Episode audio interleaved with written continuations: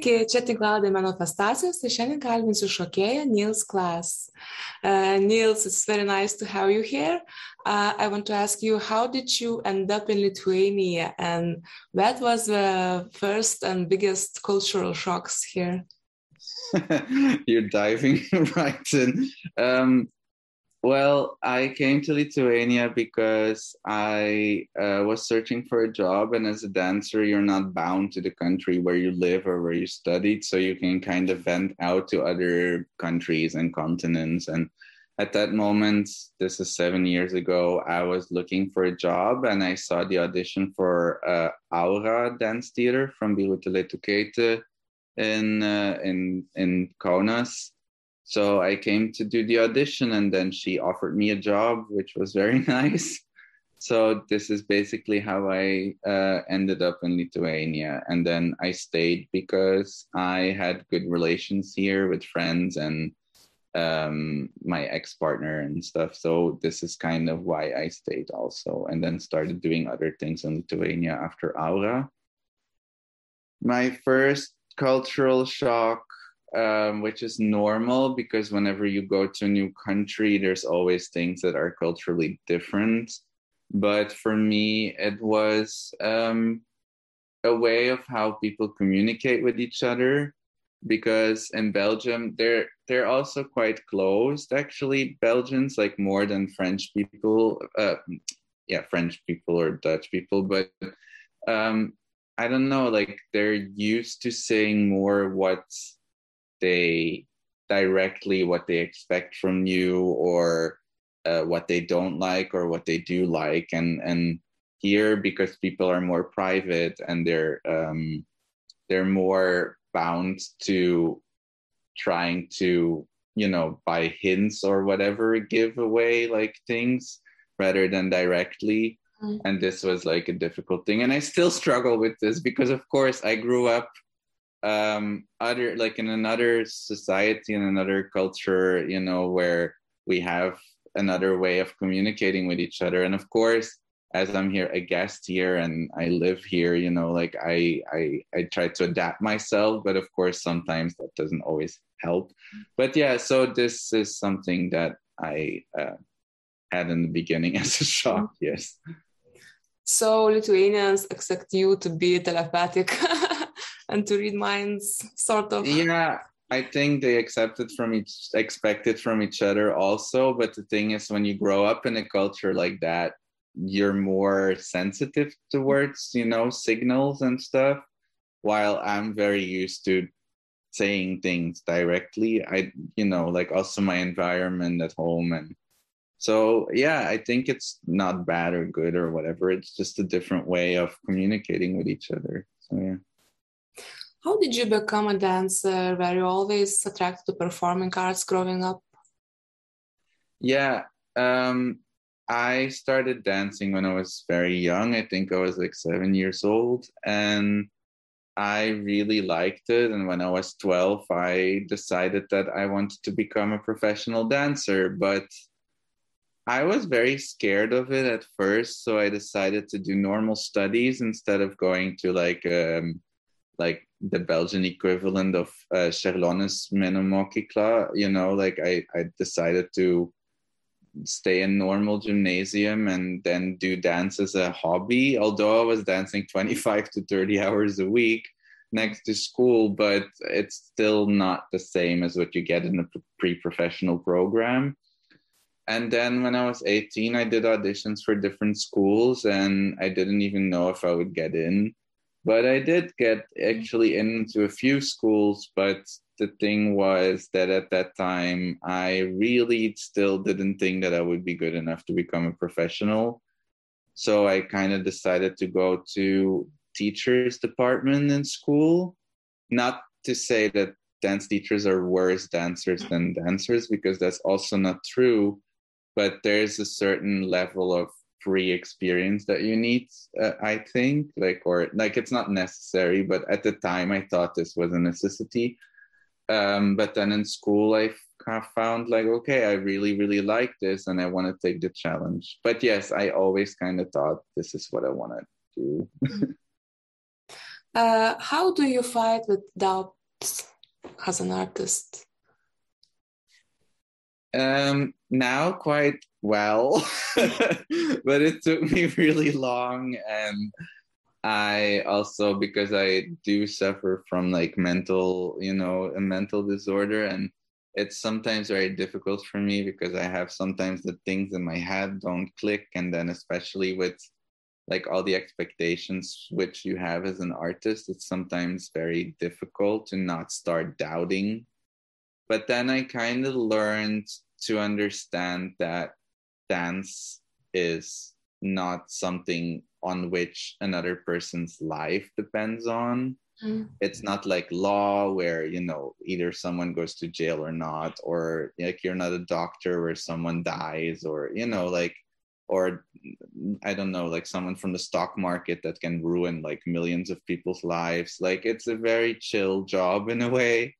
I'm not saying that it's not an important job. I do think artists do a very important job, but it's not like heart surgery. It's not something that, you know, when you do a bad job at it, it's not that it will like, you know, reflect badly on anyone, only kind of on maybe yourself, although also not I don't know. I think art, as with everything else, comes with failure. And I think from failure, or not just failure, but also like things that could improve, that like if you see these kind of little mistakes that you make that could be improved, it's something that is very valuable to you and you can grow. And I think this is also part of what attracts artists to art. It's something that can be that's constantly changing and that you can constantly improve and uh, develop yourself in. Although I have to say that's not one thing that attracts me to it. Mm-hmm. Um, but um, yeah, I think I learned that also just to be calm in it and to know that. I mean, if you do a bad job or whatever it goes wrong, it's not okay. It's still your job but it happens and that's okay also which of course the first few days is always a bit shit but then you you put yourself over it. So this is how i deal with it by just knowing you know like by putting it in perspective with other things and with life in general. And mm-hmm. so yeah uh, you mentioned mental health issues, and I really liked your dan- solo dance performance, Paženklintas, which mm-hmm. talks about bullying and yeah. uh, that stuff that happens to a person who was bullied in their childhood. Uh, could you tell me about uh, how was the creative process when you had to touch such uh, hard and uh, painful memories? It was very good for me. I didn't expect that when I came in. I did want to tell my story to people and use my story to shed light on an issue that I think is very important. Um, but I didn't know that it would kind of be so. I was kind of uh, wait, how do you say this? Like self help. Like it helped me a lot, like to get over part of the trauma actually. And and because it took me two years to kind of create it and develop it and everything i had the, the idea first and then i was developing it. And then i started in like in 2018 i did like a first draft of it which wasn't great but it was like a good draft basically. And then it took two years to develop into what it is now which i'm super happy with.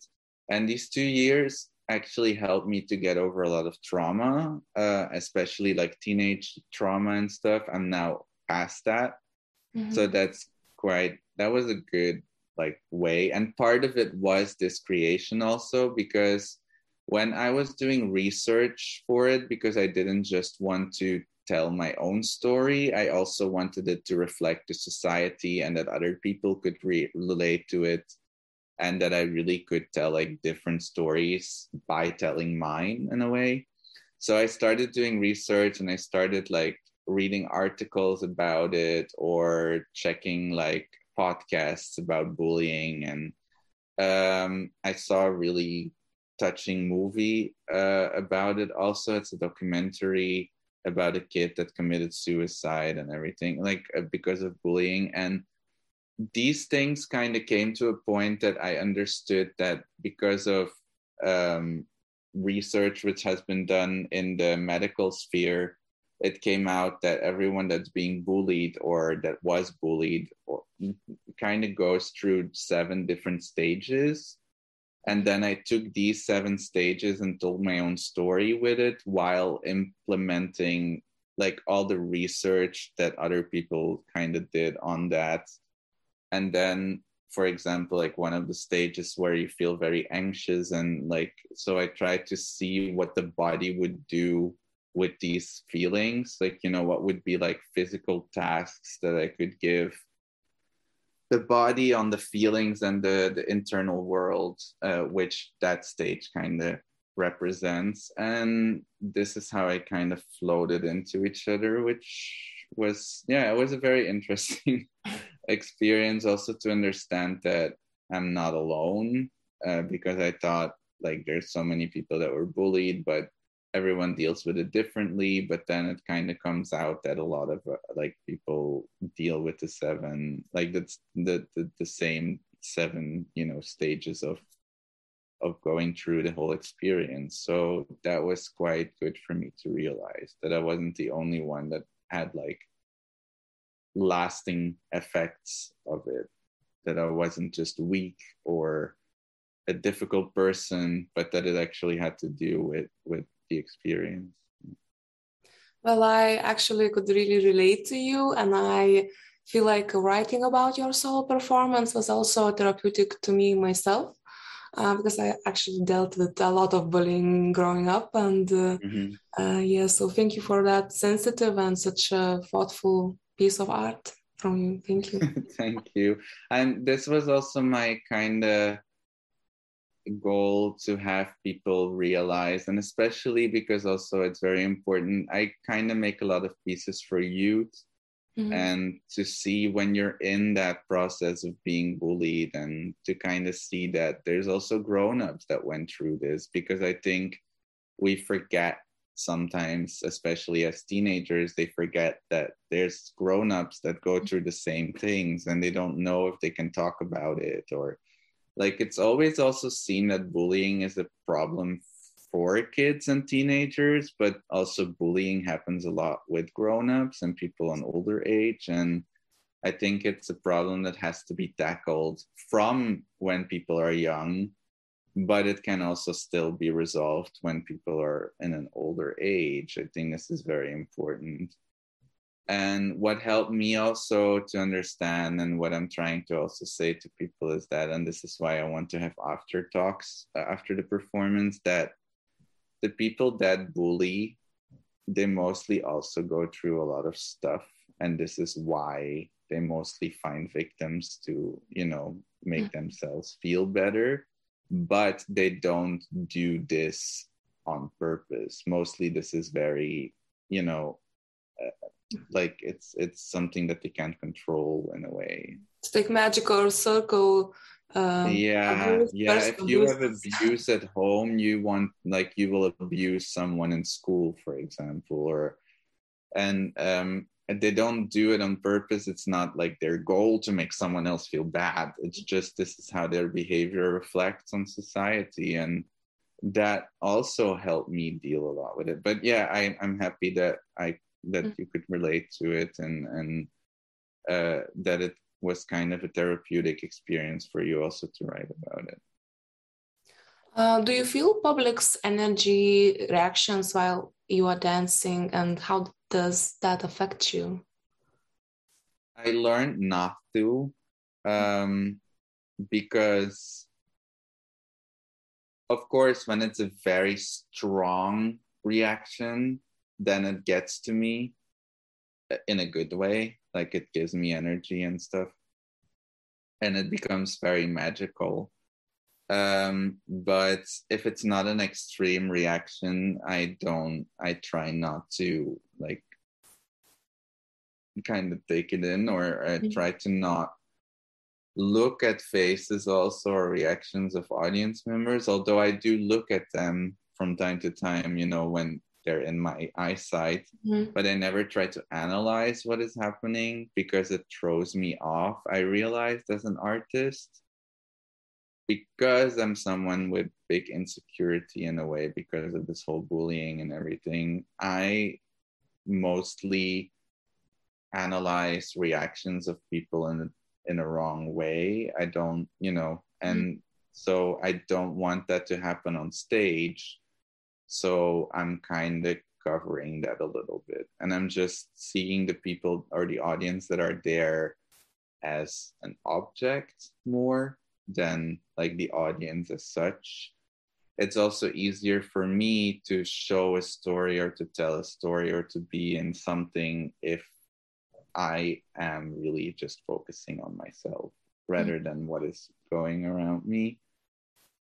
And um, that makes me more successful when I go on stage, I feel.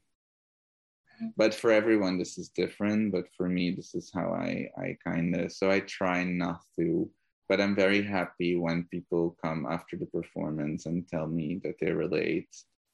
Um, like it's also the thing with feedback a little bit that I learned that if you, if I don't ask for it, please don't tell me. of course, good critiques, yes, but bad critiques, I don't, you know, because it's something that we have to learn as human beings also with any work that we do or any anything in general that we if we want your opinion and we respect you enough to get your opinion we will ask you about your opinion mm-hmm. and i think this is like important but yeah i think I try not to throw myself off from the audience and I try to just really focus on my job, what I have to do, and on the art like that I'm creating somehow. Mm-hmm. So yeah. Uh, which dance and not necessarily just dance artists have inspired you the most? I get inspired a lot by people that are around me and maybe not artistically but more drive and like the passion to continue and um, i always find people in companies that i work or environments that i'm in that are very ambitious and that work really hard and that's something that really helps me uh, in a way it helps me grow and helps me reflect on things and helps me continue and like you know make make me my drive go and that inspire me. Um, artistically, no one really in particular. I mostly I like to go to galleries. I like to go to performances, and there's always things that stay and stick in my mind in a way. Um, but I like when I see something that I relate to. So when I see an art piece or a performance that like people might love, and I'm just like, it was nice, but I don't relate to it, and so I might not always like things, you know, that other people like, and like with everything, everyone has taste, and mm-hmm. this is you know how it goes, and so I get inspired by different kind of things that I see, and sometimes I don't like something from one artist, but then I like another thing that they did, or you know, that inspires me, or but mostly, yeah. So my drive and my passion and stuff about the people around me, and then like artistically, just like bits and pieces that I see, and this is kind of what what inspires me a lot. I recently saw you in Kill Baby Kill, which is called yeah. the first uh, dance detective performance in Lithuania. Uh, uh-huh. Can you tell me a little bit about the process of making this piece? For me, it was very uncomfortable. I like Inga a lot, and thanks God, um, she is such a great person. Like, she has a really great personality. So, you re- like it was not difficult to kind of respect her in a way and although i didn't really like it in the beginning because it was very much out of my comfort zone i did want to help her make her artistic vision come alive so i tried to really step out of my comfort zone and to give her also something to work with in a way. And this is how she so she was very much busy with like the concept of it all and then like how things could kind of fit in to each other. And she would give us tasks in the beginning and then we created stuff and then like it was her job to kind of fit everything together so that it would make sense in a way. Although the performance is not about making sense mm. but it's like making sense in a conceptual um, way so that required a lot of patience because that took a lot of time to kind of connect everything with each other and a few tries and a few puzzling around, which was um, difficult at times. But um, I think she did a very good job. And although I, it's still out of my comfort zone, um, I do like the performance. And I'm not sure if everyone likes it because I heard some stuff about the acting and things, but it's also not the idea that we were acting in a way. Mm-hmm. So this was also like I think maybe something that was misconceived by some part people of the audience because it was never her idea to make us do what actors do because actors are actors. They are trained in that. We are dancers and although we do put ourselves sometimes in characters we are still not actors. It's something completely different. So working with text which i think we did quite well and then like this over like finding like equality of like the character that we were in we did it in a theatrical dance kind of way which for us was also quite difficult but then also i think like it was it was a good experience yeah. mm-hmm. Uh, you have worked in quite a few different countries. How does Klaipėda look in that context? Uh, is there enough opportunities for young artists? Yeah, there's actually a lot of opportunities here. But the thing is that like you have to find a company that you work with more in Klaipėda, I think. Like there are some freelance actors here, I think, but as a dancer, that wouldn't work, you know? It's kind of like, but then also I had to go away from Vilnius because I didn't have work there. Mm-hmm. And this is how I ended up in Klaipėda. It might not be the same for everyone, but for me, it was very difficult. I didn't get any offers there, like for teaching and creating, yes, but for dancing, not. Like it's okay. It sometimes happens because you're not like the type that people like to work with or you know so um, for me that was always kind of a difficulty in lithuania because when i left aura i really wanted to stay and work in lithuania and stay in vilnius and it was very hard for me to find work that i liked because it was mostly teaching jobs so i worked then abroad again like for a couple of months you know like doing projects mm. in Germany and like in Poland and stuff. So I mm, so it's it there is opportunity here, but if you're the type for it, mm-hmm. I think. And like the thing is that I was the type for Agnija and for Klaipėda, and this is how I, you know, found my mm-hmm. way here. But it's always like this. You have to find your spot. And that's sometimes not where you thought you would end up in, but it's sometimes like that's how life works, right? So it's kind of, I don't know. I also never really freelanced before. Like I had a small period of freelancing before I came to Lithuania, but before that, and then also in Lithuania, mostly, I don't know. I always worked with companies, whether it was like for a year contract or like a couple of months but I, I think it reflects, of course, Klaipėda only has like Šeiko at the moment, and like it's you know, but I think there are other opportunities also, and but not in Lithuania yet. But then also there's not in other places, so mm-hmm. it really depends where you are. Mm-hmm. Uh, what projects are you working on right now? With Šeiko? Mm-hmm. Or um, and I don't do any extra projects anymore. Um, I had an idea for a project in Belgium, but because I think because of Corona, I was a bit messed up and it was a bit much for me. Mm-hmm. So I kind of took a step back and I put some stuff in the fridge for later. So one project that I had in Belgium was like what Agnija Šeiko created in, in Nida with Uspustita. I had the same idea to do in my region because my region is the coal mining region in Belgium. And my grandfather died in the coal mine. I have like connection with that, and so I wanted to kind of honor him and like also my region because there's not much of dance going on there and this was like a good concept to bring in a region where you know to kind of get an audience going but then um, somehow it was very difficult to get like support from the municipality where I wanted to do it, but there's another municipality that is interested uh, to do it. So like now we were writing, you know, a project, but then it didn't end up right. so I will do it later. So, but that's like one of the things that I was busy with, but I put in the fridge right now. And then in Šeiko, at the moment, we are actually more working on touring. We will have a new um, performance from Ballet Grand Hoy, which will come in April or May.